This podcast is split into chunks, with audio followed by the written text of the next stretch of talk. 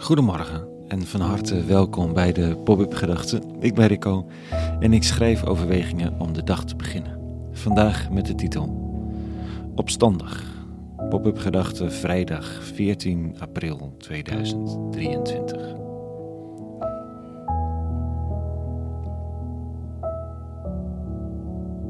Tja, als je nou eens geen zin hebt om te schrijven,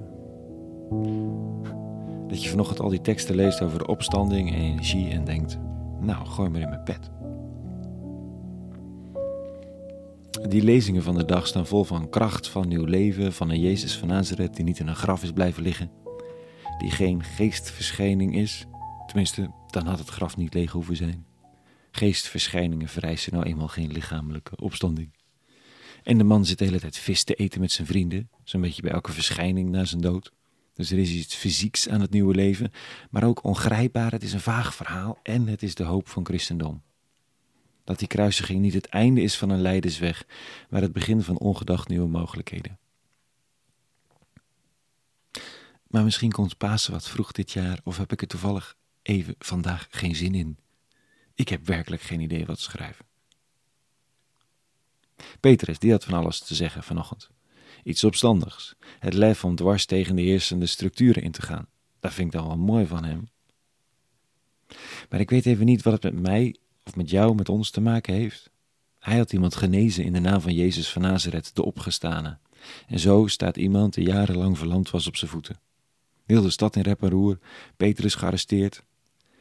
Ja, kan gebeuren.